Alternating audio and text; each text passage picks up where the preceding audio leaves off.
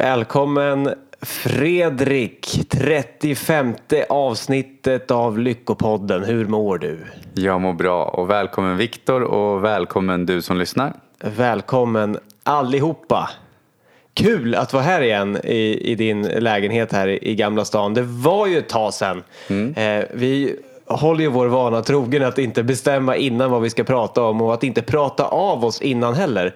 Eh, jag kom med ett eh, tåg här till Stockholm idag eh, 8.35 och så hade vi sagt att vi skulle ses klockan 10.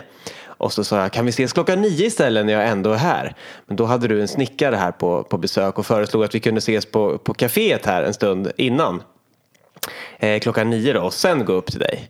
Nej, sa jag. Eh, men då, då gör jag något på egen hand och sen så kommer jag klockan tio för, för jag gillar verkligen den här känslan när vi inte vet vad vi ska prata om och när vi inte pratar av oss innan och så trycker vi liksom på räck eh, och kör.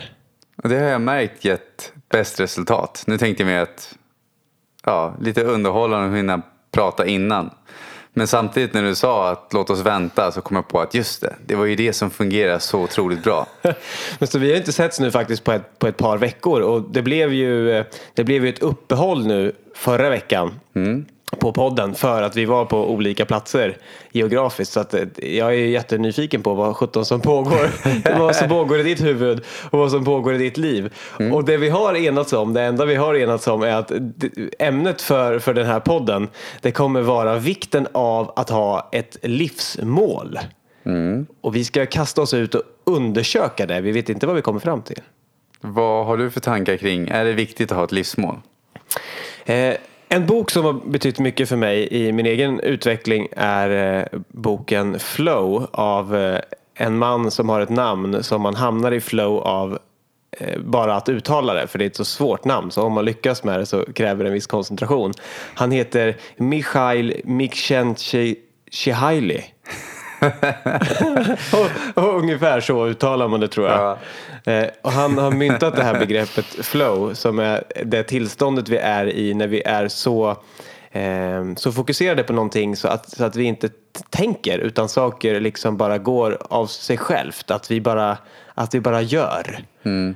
Eh, och så säger han att eh, i den, den eh, omfattning som vi upplever flow i våra liv så, så har vi kvalitet på våra upplevelser så är vi lyckliga. Ju mer flow desto större välbefinnande. Och en av de slutsatserna i den boken som han har är att människor lyckas uppnå flow om de har en stor mening med sitt liv. Om de har då ett övergripande mål med vart de vill komma. För att då, då kan man eh, använda Eh, man kan säga så här att vi, vi börjar livet med att ha ett, ett, kaos. Vi vet inte vad som är viktigt. Och i den, i den grad som vi lyckas hitta ett mål att använda och rikta vår energi mot så kommer vi uppleva livet som mer meningsfullt. Istället för att skjuta småskvättar av energi lite här och var så riktar vi vår stora stråle eh, mot, då, mot en sak. Är tanken då att man gör det medvetet eller omedvetet? För låt säga att vi har ju haft tidigare program att lever du ditt liv som du vill eller som någon annan tycker? Ja. Och då tänker jag om någon har växt upp och fått höra ja men det du ska göra i livet det är att skaffa en utbildning och ett bra jobb och gör karriär, då blir du lycklig. Ja, det här måste vara helt självvalt. Ja. Det är det som är så intressant. För att en av huvudingredienserna för att man ska kunna hamna i det här flow-tillståndet är att man tycker att, att det är någonting som man vill göra. Att man har valt att göra det. Mm. Så att om någon annan försöker eh, påtvinga en att det här ska du tycka är roligt. Du ska tycka att det är kul att sjunga. Eh, och du känner att du hellre vill vara någon annanstans. Då är sannolikheten väldigt liten att du kommer att uppnå flow när du sjunger. Om mm. du däremot har valt att börja i en kör och du väljer att gå dit på tisdag klockan sju när det är dags för att du tycker att det här ska bli kul. Då är sannolikheten högre att du, att du kommer uppleva flow. Mm. Eh, så att det, det, var bara någonting som dök upp det här att eh, han, hans slutsats är att ju, ju större liksom, eh, mål vi har, ju mer vi har en vision och en riktning desto större är möjligheten att hamna i meningsfulla situationer där vi kan uppnå flow. Är det, men då, jag tolkar det som det jag har studerat av eh, vad heter det? Success is the progressive realization of a worthy ideal. Ja. Det är på engelska, jag vet inte vad det blir. Framgång är ett progressivt utvecklande av ett värdigt ideal. Ja. Av att det gör människor, gör att de mår bättre. Mm. Men då kommer nästa fråga, hur vet man vad som är ett värdigt ideal?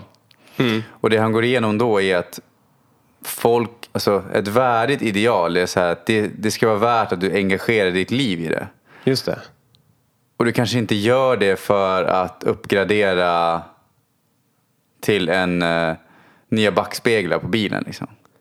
Det här låter väldigt mycket som att, att de här två källorna till de här tankarna som, som dels du berättar nu och den flow-boken eh, som jag pratar om. Att de går väldigt mycket ihop. Eh, för man skulle kunna säga att eh, det blir då ett utforskande i livet och för mig blev det faktiskt så. Jag, jag tog stort, starkt intryck av den här boken att okej, okay, men vad är då tillräckligt meningsfullt och värdefullt att ägna mitt liv åt? Det blev som att, aha, det här stämmer nog, det här resonerar i mig.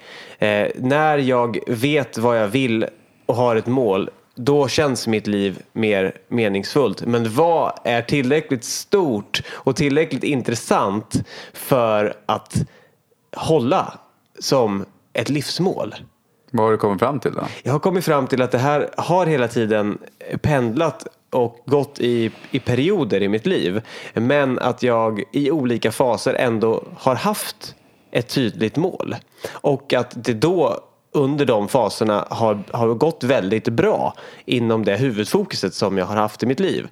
Och en sån sak som dyker upp är att när jag var, när jag var liten i tonåren någonstans och kanske lite innan, då ville jag bli hockeyproffs. Mm. Då var det min stora dröm att bli hockeyproffs. Och så länge som jag verkligen ville bli hockeyproffs så gick det väldigt bra när jag spelade hockey.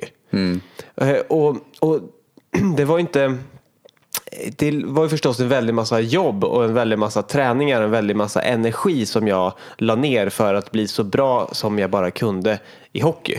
Mm. Men det var inte jobbigt. Alltså, jag upplevde smärta under den här perioden och, och gå ner på fysträningar på sommaren och sådär. Det kanske liksom på ett sätt inte alltid var så kul. Men det var meningsfullt även när det var jobbigt för att det fanns ett tillräckligt stort mål bakom där. Att bli hockeyproffs som gjorde motgångarna värdefulla och meningsfulla. Så att då kunde jag se hur, hur liksom allting ändå kunde ha en, eh, en poäng, en nytta föra mig mot mitt, mitt stora mål. Mm. Eh, det kunde vara så till exempel att ja, men om jag ska bli hockeyproffs då, då måste jag inte vara Eh, då kommer ju skolan kanske kännas mindre rolig än hockeyträningen. Men samtidigt visste jag att okej, okay, om man är hockeyproffs, man behöver ändå veta en del för att klara sig i det vanliga livet och när man en dag slutar att spela hockey så, så behöver man ha en utbildning bakom. Då kunde man på något sätt tänka att eh, skolan är också meningsfull även om jag tycker att den är tråkig nu. Så kunde man komma på ett sätt som den var meningsfull på för att jag hade ett större, ett större mål. Mm.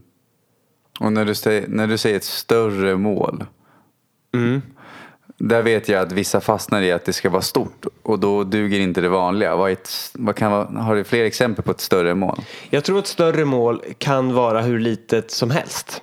Så kan man inte säga ett mål då? Ett mål? Ett, större, ett mål, är det för när du säger större, vad är det större symboliserar? Ja, som... det är bra att du frågar det så att, vi inte bara, så att du inte tillåter mig att slänga ur med sådana saker. Eh, det jag menar är att det är ett mål som väcker en tillräckligt stor entusiasm för mig. Mm. Eh, någonting som gör att jag fortsätter att ha det målet även när jag stöter på motgångar. Alltså någonting som är så intensivt i, i sin lockelse för mig mm. så att det är värt att eh, ta motgångar och utmaningar för att nå det utan att orken eh, dör längs mm. vägen. Vad, vad, vad, tänker du kring, kring livsmål utifrån det som vi har pratat om hittills? Jag är mer inne på att man behöver inte alltid veta varför man gör saker så länge du tycker det är kul. Jag har ju själv haft som mål att utveckla mig själv och hitta olika metoder för att må bra. Och sen har jag märkt att jag gör andra saker på sidan av. Till exempel jag håller på att sitta och läser på hur man skapar celltunnlar via nätet. Och då kanske, ibland kan jag sitta där och bara, varför gör jag det här? För jag, har, jag vet inte ens riktigt vad jag ska använda det till. Men så struntar jag i det. Och så följer jag entusiasmen att jag tycker det är kul att sitta och försöka och lista ut hur man använder dem på bästa sätt. Alltså för den som inte är inne i, den, i svängen som man vet vad säljtunnlar på nätet är. Alltså sätt att eh, marknadsföra och sälja via nätet. Precis, så att du själv inte... För exempel, jag har provat att jobba med att sitta och ringa kalla samtal. Ja, men nu, nu, nu vill jag inte ta bort dig från din Ja. röda tråd. Utan bara så att då vet man vad säljtunnlar är. Ja, precis. Men, Ja, ja. men det sitter du och gör men vet inte riktigt varför. precis. Ja. Eh, och jag vet inte riktigt vad det kommer sluta med att jag använder det till heller. Men jag behöver inte veta det. För att jag går bara på att jag är engagerad i det just nu. Förstår du? Och det är därför jag menar på att det gör mig lycklig att sitta, även fast jag ibland kan uppleva frustration när jag sitter med och försöker lära mig om olika knepen och knåpen och bara nu, nu, nu, nu har jag det. Och sen så bara nej. Men att jag ändå har någon glädje i det hela även i frustrationen. Mm. Men att det, inte, det är inget större mål för jag vet ju inte exakt vad det kommer leda till heller. Men det blir ju större för att jag finner ett engagemang i det. Det är därför jag tycker jag lyssnade på en talare förut som heter Esther Hicks som sa att någon bara, jag vill tjäna massor med pengar. Och då sa hon till honom att när man säger så så finns det en risk att man undermedvetet tänker, skapar en bild av att det ska vara något större, det ska vara jättejobbigt eller att det ska vara jättesvårt. Varför inte bara tänka att du vill ha pengar till en bil eller till ett hus eller den här grejen. Men att när man, så fort man säger mycket eller massor eller massivt eller enormt eller jättestort. Då blir det som att man målar upp en o... För vissa är det så i alla fall, inte alla. En ouppnåelig bild undermedvetet liksom. Just det. Men för mig så, det här målet då exempelvis att jag ville bli hockeyproffs. Det var ju inget mål som jag satte mig och gjorde någon sorts, eh, nu ska jag hitta mitt livsmål här. Det var någonting som bara, som bara kom. Eh, jag vet inte varifrån det kom.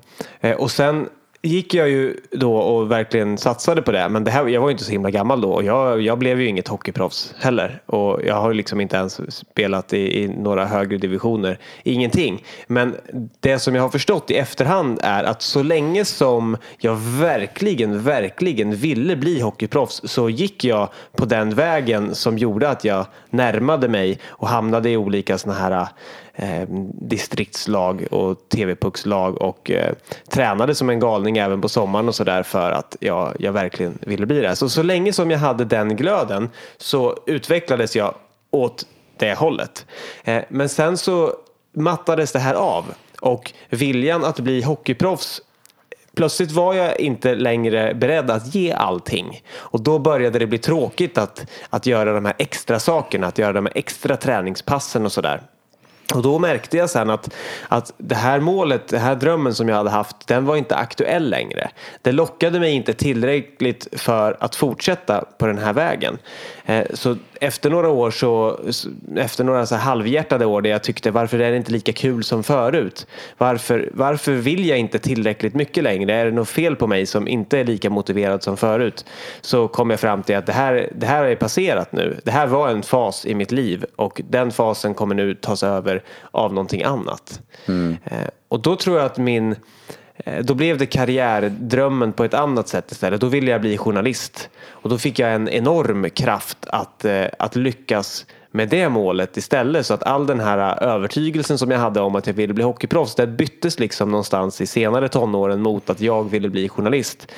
Och då Eh, Då, hade, då ville jag jobba på Sportbladet, på Aftonbladets sport, eh, sportbilaga. Det var liksom, eh, okej, jag vill bli sportjournalist och det bästa, största, mest ärofyllda som jag kan tänka mig vore att jobba på, på den tidningen. För det är den tidningen själv, som jag sj- själv läser och som jag tycker är bäst. Så då satte jag upp det målet istället. Jag ska hamna på Sportbladet. Och så, så under flera år så ja, gjorde jag vad som krävdes för att hamna där och gick på utbildningar och eh, eh, Eh, skrev massa själv och helt enkelt eh, tog alla former av utmaningar och vägar som kunde leda dit. Och återigen då är det samma mönster att under eftersom jag hade ett sånt tydligt mål som, som gjorde mig så exalterad när jag tänkte på det så hittade jag alla vägar och jag, jag eh, la ner all kraft som behövdes men utan att det var jobbigt. Återigen, det var liksom inte, eh, det var inte hårt jobb lönar sig brukar man säga så här, men det var visserligen hårt jobb men det var hårt jobb som bara kom av bara farten för att jag var så motiverad för vart jag ville hamna. Mm. Och så nådde jag ju dit också. Jag, jag hade det här äh, jobbet äh, på Sportbladet när jag, jag vet inte om jag var 23 eller 24 eller något sånt där. Mm. Kanske inte ens det, jag var nog yngre. Och då visade det sig sen samma sak som med hockeyn. Till slut så, så märkte jag att ja, men det här är inte heller det här är inte heller någonting som kommer att bestå.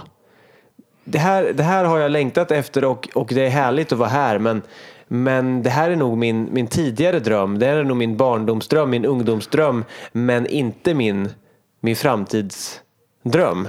Kan det inte vara så att arbetet, alltså precis som jag sa, success is the progressive realization of a worthy ideal. Ja.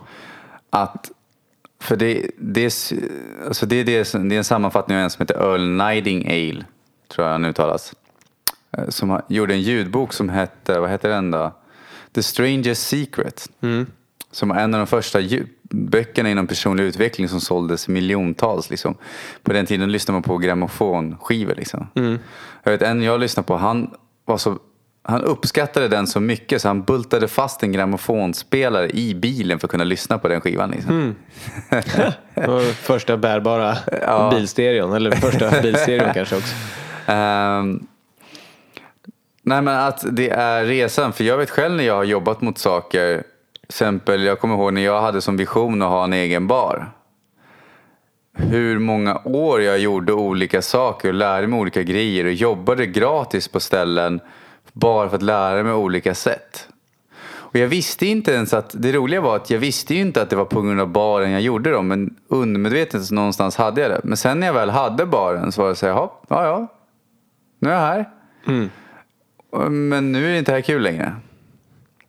Då är det som att nu har jag nått destinationen. Liksom. Ja men precis. Så att, att eh, det du menar då är den här som man brukar säga att det, det är, in, det, det, är resan som är, som är målet, eller hur säger man? Ja. Det är något sånt där talesätt. Ni fattar säkert. Men det är därför också det att det här livsmålet, eller man ska säga, det är därför det blir liksom Jag har kokat ner det till jag har reflekterat en hel del över det här. Det är, min sammanfattning har blivit jag gör det som jag lockas av just idag. Mm. Ja, men det, det, skulle nog jag egentligen också säga. För att eh, någonstans så vid, vid sidan av de här målen att bli hockeyproffs och att bli eh, sportjournalist så har ett, ett annat mål varit att ha en, en stark relation, alltså kärleksrelation.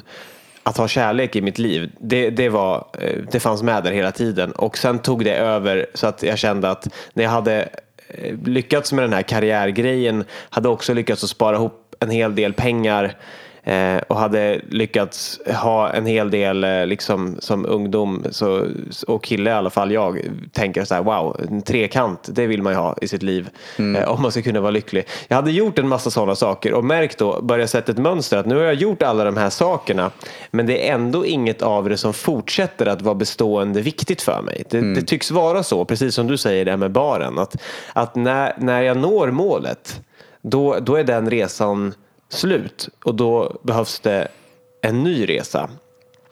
Eh, och det är det som har lett mig fram till där jag är idag då mitt mål har ändrats från att försöka uppnå någonting till att hela tiden lära mig mer om mig själv. Och där har jag insett att det är ett sånt mål som inte har något slut. Mm. Det kommer aldrig ta slut eh, att, att det går att lära sig mer om sig själv. Mm. Så för mig har de här olika eh, perioderna i mitt liv haft ett starkt fokus och jag har gått gått verkligen in, all in på de olika sakerna som, som jag har varit intresserad av i olika perioder. Och hela tiden märkt att jag når dem. Mm. Och det känns meningsfullt eftersom jag lyckas fokusera min energi mot någonting som jag lockas av och brinner för. Men när jag väl når dem så behöver jag ett nytt mål. Eh, och till slut hittade jag målet, eller hittade jag mig själv så att säga, att wow, det som är gemensamt med de här sakerna det är att jag själv eh, är involverad och att jag själv uppnår någonting och jag, jag, man kan säga så här att jag, jag, jag, letade lyckan i, i de här olika målen. Hockeyproffs, sportjournalist, eh, bra relationer. Och, och, så insåg jag att det var en lycka som gick att finna men den gick alltid över. Och då började jag hitta och leta inom mig istället. Och den, den friden som jag hittade där kan inte gå över. Mm. Hur tänker du kring det? Är det något du, du känner igen? Ja, men jag vet ju själv när jag jagat olika saker i livet för att må bra.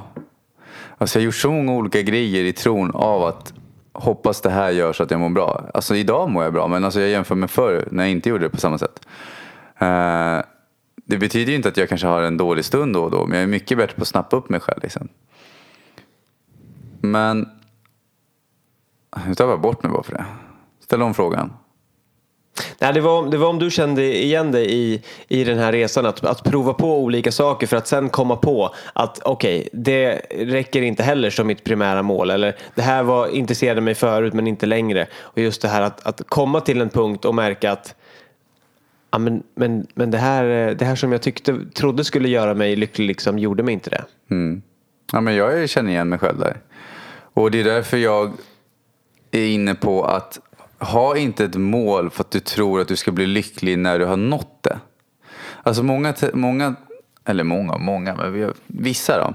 Vissa när de sätter ett mål så sätter de ett mål baserat på att om jag bara gör det här. Till exempel jag har själv Lyssna på olika företag eller liksom personer som lär ut att om du bara gör det här som gör dig olycklig i fem år och du tycker att det är ett helvete så kommer du om fem år ha bilen, huset, drömmarna, tid med familjen och alla de här grejerna. Men då är jag inne på att, ja men varför göra någonting som gör dig olycklig för att om fem år ska du bli lycklig? Det är egentligen galenskap ju. Mm. Men det finns en touch där som jag vill lägga till. Då. Det är precis som när jag håller på att studera liksom online marketing och alla de här grejerna. Är ju att jag kan tycka det är frustrerande men jag får fortfarande en glädje ur det. Så att det kan vara glädjande frustrerande. Mm.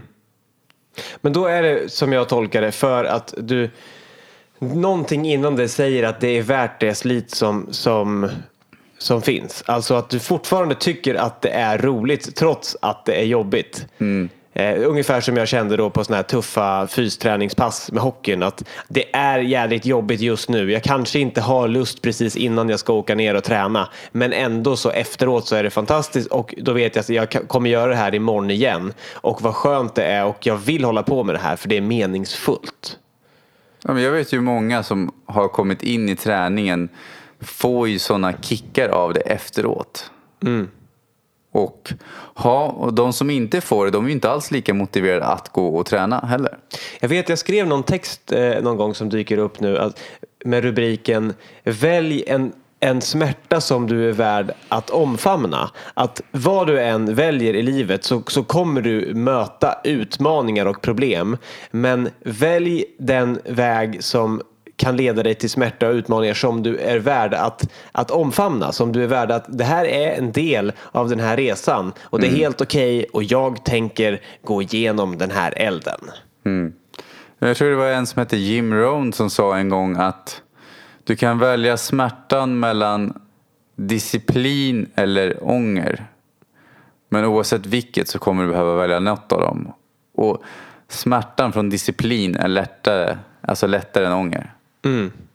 Och ett exempel på det kan vara om man, eh, alltså det kan vara en disciplin att städa vissa gånger. Men ångesten om man skiter i det i tio år och har kackerlackor i lägenheten kanske blir större.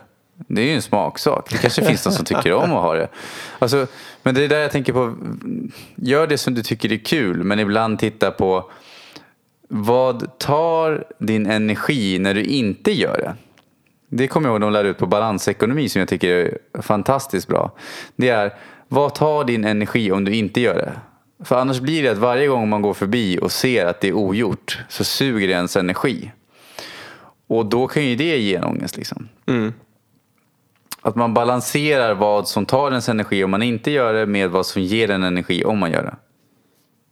Jag vet att du och jag pratade om eh, en gång att människor som, eh, som är liksom eh, mer nöjda och tillfredsställda med livet än snittet ofta har gemensamt att de, de har någonting i sitt liv eh, som de bidrar till som de upplever är så att säga större än, än de själva. Kommer du ihåg det? Vill du, Ja, berätta det om det? Vill du berätta om det igen? Ja, men jag tror också, alltså, det kommer från en period där jag hade studerat mycket hur man gör saker. Till exempel hur man blir bättre på att bygga relationer, hur man blir bättre på att nå framgång, hur man blir bättre på att hålla i möten, alla de här grejerna. Liksom.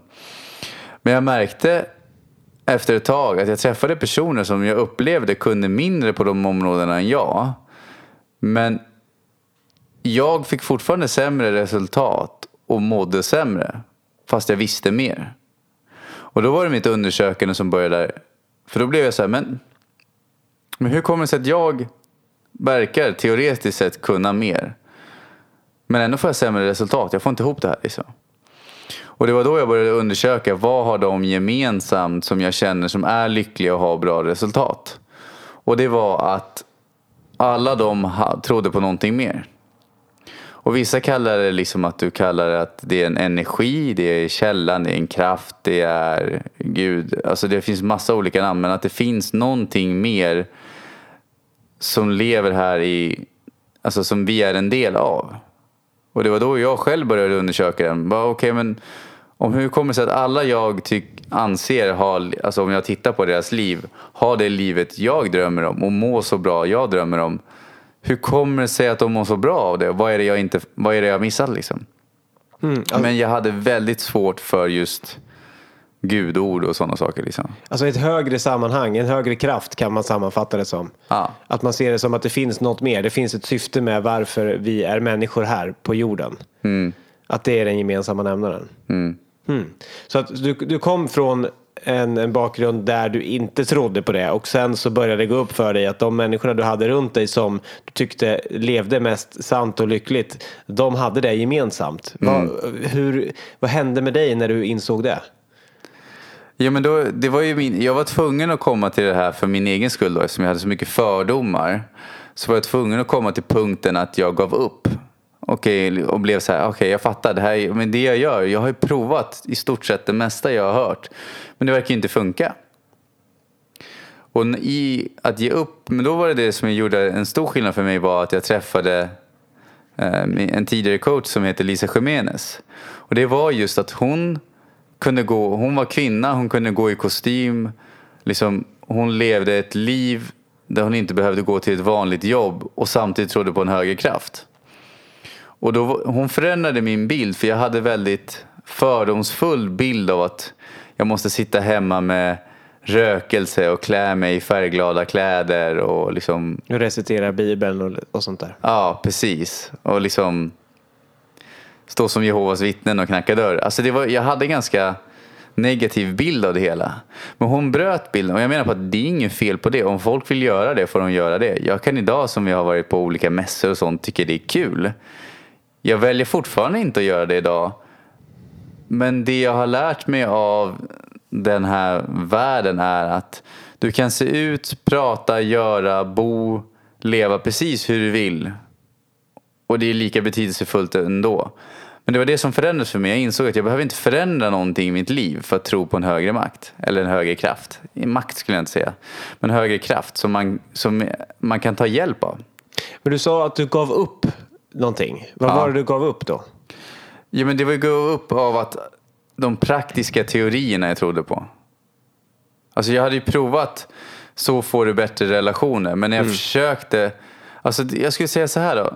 när jag bad inifrån om hjälp av det här pratar jag ofta, inte ofta om offentligt då, men när jag ber om hjälp inifrån, jag kallar det från fältet då, eh, och släpper taget om att det är jag som måste vara ansvarig för precis allting som ska hända. Då upplever jag att det händer. De sakerna jag faktiskt vill få gjort. Och sen om det i slutändan är att det är jag själv som ändå gör det för att jag slappnar av. Det är sak samma. Jag uppnår ju det jag vill. Mm. Jag har ju växt upp eh, också helt, eh, helt icke-religiöst. Och allt som har haft med, med Gud att göra och religioner att göra har jag alltid fnyst åt och tyckt att det där är ju bara påhitt. Hur kan, kan människor tro på det här? Så att eh, jag kan få en sån där flashback. Nu känner ju du och jag varandra och vi vet vad vi menar när vi pratar om de här sakerna. Eh, men att just den här, jag kan tänka mig att, en och annan lyssnare nu känner att här, vadå, så att nu blev, nu blev Lyckopodden eh, någon sorts religiös grej här helt plötsligt. Eller, eller är, är, Viktor och Fredrik eh, religiösa? Har de funnit Gud och börjat gått i, i, i kyrkan nu då?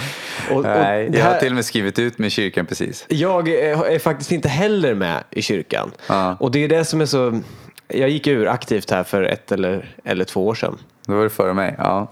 Och, och, det är det här som är, det här kommer vi nog, eh, det här kommer det nog få bli fler poddar om, mm. tror jag. Nu när vi, när vi kommer in på de här vattnena. För att jag gillar, jag kan, jag kan ta den. Jag gillar en, eh, en dansk författare som är död nu, han dog 81 tror jag, som heter Martinus. Mm. Han eh, delar in människor i tre faser, en, en eh, liksom övergripande beskrivning. Tre kategorier. Han kallar kategori ett, det är de som är troende. Då tror man på en religion för att man går eh, till en auktoritet, typ kyrkan, som säger så här är det. Så här skapades världen, det här har hänt. Välkommen att vara med i kyrkan. Det är bäst för dig att du är med här. Typ så. Då är man troende. Auktoritetstroende. Man tror. Sen kan man inte tro längre när man kommer till nästa fas. För då vill man veta varför man ska tro. Man börjar ifrågasätta saker och det som det inte finns ordentliga eh, intelligensmässiga logiska svar på det säger man är falskt. Och då börjar man vända sig till vetenskapen där vi faktiskt kan få svar och vetenskapen erbjuder svar och så säger man att om det är ett område som man inte har svar på så går det inte att veta och då säger man att det, här kan jag inte ge svar. Jag är forskare och vetenskapsman och jag säger att det här vet vi inte eh, men det här vet vi. Då får man alltså svar, det här går att veta eller det här går inte att veta. Mm. Och sen så kommer man till, jag skulle för övrigt säga att det är förmodligen där den större delen av västvärlden befinner sig idag och den allra största delen av svenskarna. Vi är vetenskaps eh, frälsta, vetenskapstroende kanske. Vetenskaps, kan du vara säker på det? Eh, inte helt säker, det är min, mm. det är min tolkning att de, de flesta svenskarna är det. Mm. Och jag har varit det. Så att jag, jag, ser inte ner på det här. Jag har verkligen varit det. För jag har aldrig varit troende. Eh, men däremot har jag vänt mig till vetenskapen och det var så jag började min resa eh, kring den här lyckobanan, liksom utforskandet i mig själv. Vad säger vetenskapen om, om lycka? Så mm. det var den vägen som tog mig till stadie 3. Mm. Som är vetande. Och det är när man inte upplever att man kommer längre i, i den traditionella vetenskapen. Man, man märker att det finns någonting mer, det finns någon form av mening i det här livet. Saker hänger ihop på ett sätt som inte går att förklara. Eh, exempelvis är ett, ett sånt ämne meningsfull slump, synkronicitet, att man kanske träffar människor eller är med om händelser som om du skulle räkna ut sannolikheten för att de ska hända är helt galna. Och inte bara att de händer, för då skulle man kunna säga att allting är, är egentligen galet. Om jag går ut och börjar prata med någon här på gatan så är det väldigt liten sannolikhet att jag skulle gå ut just då också. Men om jag går ut på gatan och träffar någon som ger mig en väldigt viktig pusselbit i mitt liv just nu och den personen också får en viktig pusselbit pusselbit i sitt liv just nu av vårt samtal. Då, då börjar det bli meningsfull slump, eh, mm. synkronicitet. Och det kan vara ett av de eh, sätten som man kommer in och börjar tänka att det finns någonting. Det finns någonting bakom det här. Eller att man börjar, eh, som du säger, att man börjar be om saker eller göra planer och så märker man att det, det inträffar. Det här som jag vill ska hända, det inträffar när jag börjar fråga om det, när jag börjar ställa in mitt, mitt sikte på det. Jo, så då hamnar man då i den här fasen som, som han kallar, Martinus kallar för, för vetande. Mm. Att man har hört och får höra historier om att det fungerar på det här sättet men man vet av egen erfarenhet med sina egna exempel så förstår man att världen hänger ihop på ett visst sätt och att det finns någon form av kraft eller helhet, gemenskap eh, i det som kallas universum. Någon mm. form av, av skapelse. Eh, så det har varit min, min resa och idag så, så, så säger jag inte att jag tror på, på Gud utan jag säger att jag upplever saker i mitt liv som jag kan se ett så tydligt mönster i att det inte längre finns någon tvekan om att det finns någonting större och att vi människor har en förmåga att, att nosa på det. Och så mm. finns det otroligt mycket mer som jag inte har en blekaste aning om. Men jag är i början på det här fältet vetande. Mm. Det kanske tar ner det lite mer på jorden och så ska man inte tro på någonting. För då blir du troende. Utan var skeptisk och titta på ditt eget liv, hur saker ser ut där. Jag gillar att ta inte någonting av det och Viktor jag säger någonsin som en absolut sanning. Utan känn efter vad som känns rätt för dig och undersök vad som passar i ditt liv. Mm. För att jag vet själv, jag har ändrat hur jag sett på livet så många gånger. Jag kommer fortfarande ihåg, jag tror det är typ tre år sedan som jag insåg att gud, 80% av det jag har trott på innan inte är sant. Mm. Hur jag har sett på världen, hur jag har sett på arbete, hur jag har sett på liksom världsekonomin, hur jag har sett på alla de här grejerna. 80% har inte varit sant. Och då slog det mig redan då, som jag funderade på redan då, var hur vet jag det jag tror på idag är sant? Mm. Och ironin är, tre år senare så insåg jag att 80% av det som jag tror, hade börjat på att tro istället, det var inte heller sant. Så inget av dem var sant. Alltså det, var liksom, det var en otrolig utrensning av alla saker jag hade fått lära mig om hur livet fungerar som inte stämde. Mm. Och det här tycker jag är likadant intressant inom vetenskaplig forskning. Så som jag ser det så är det väldigt svårt att få med alla variabler. Ibland undrar jag om det ens går. För även om man gör, nu har jag läst på en hel del om forskning just på grund av att lära mig att sätta mig in i vad är det som, på, alltså, vad är det som sker. Och det är ju mycket inne på vem är det som sponsrar studien? Eh, och även om det är en dubbelblindad studie som sker över halva världen med så x antal människor så beror det också på, så kan man inte få med exakt alla variabler av vad de gör. För det går inte att få med hur tänker de om dagarna? Vad har de för självbild? Alltså vad äter de? Vad rör, hur mycket rör de på sig? Hur är deras sociala kommunikation? Vad får de, liksom, vad får de höra på tv den dagen? Alltså det finns alltså även både av forskarna och av de som utsätts för experimenten. Så när de säger att det är på ett visst sätt eller är på det här sättet. Det är precis som att förut så fanns det jättemycket studier som visade att fett var farligt. Så då plockar man bort fettet ur produkten och sa att nu är det fettfritt, nu är det nyttigt för nu har vi lagt socker i istället. Och sen så kommer senare forskning som visar på att socker är skadligt och att det är fett som är nyttigt men man ska akta sig för kolhydrater.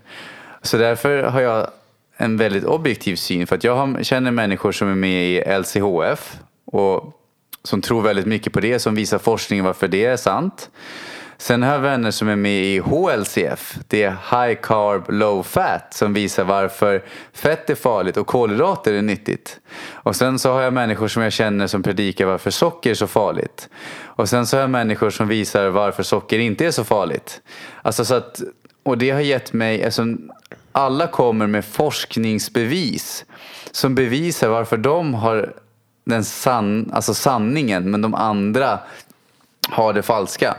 Alltså till och med när jag pratar med de olika människorna så säger de så här, ja men du vet LCHF, de har ju den här forskningen men de är ju baserade på den här bevisen och vi har ju den här forskningen som visar varför deras forskning inte har rätt värdegrund eller har rätt typ av dubbelblindad studie.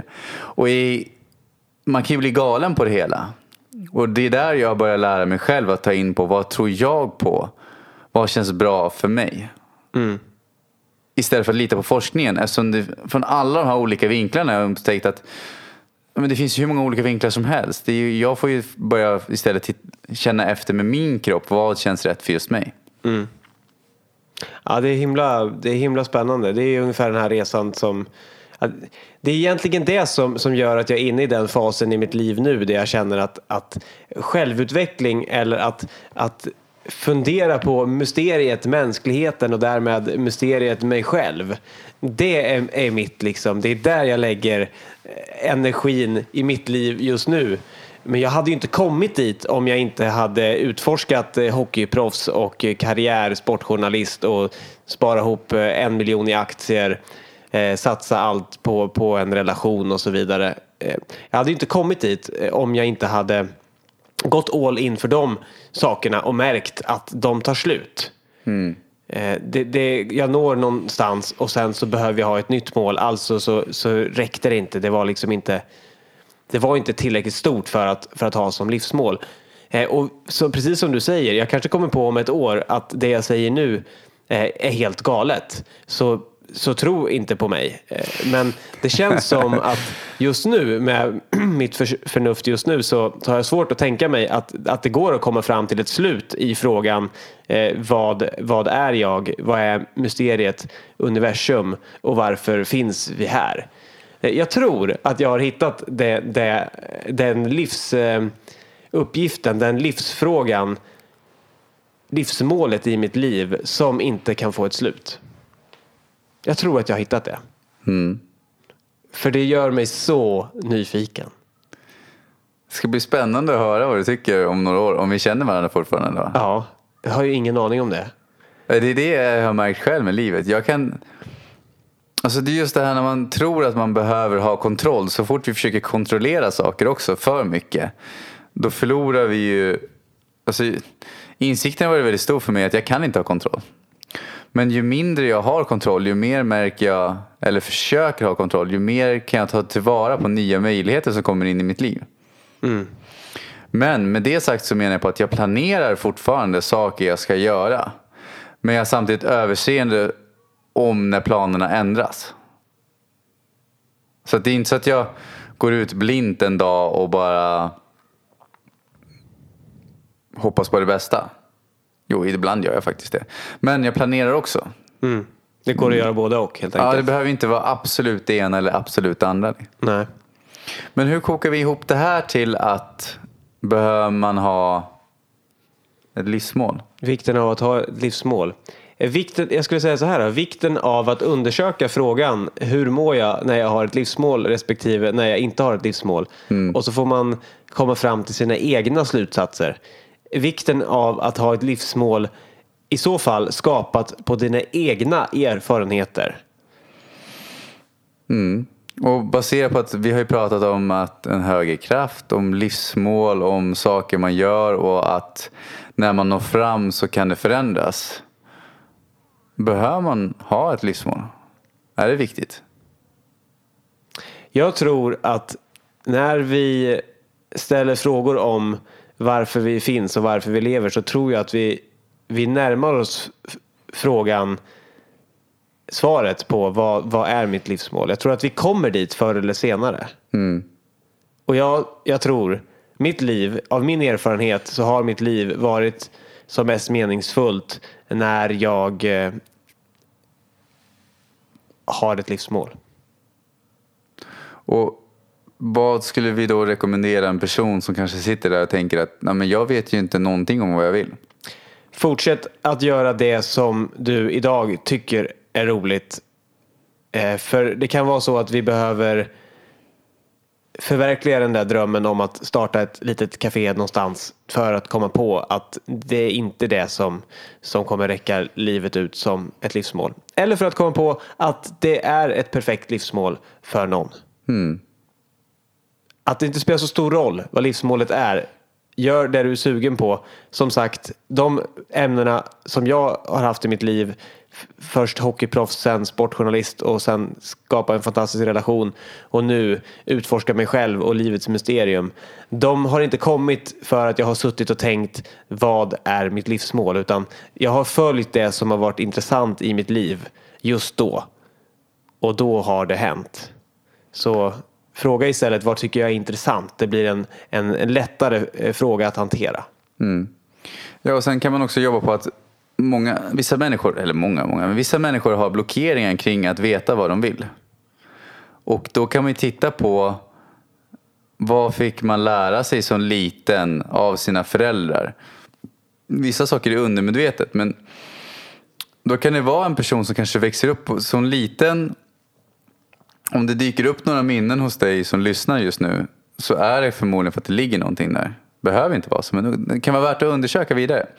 Det jag brukar tänka är så här att när beslutade du dig för att det kanske inte är så bra att veta exakt vad man vill? Vilken ålder dyker upp då? Är det något speciellt minne som dyker upp?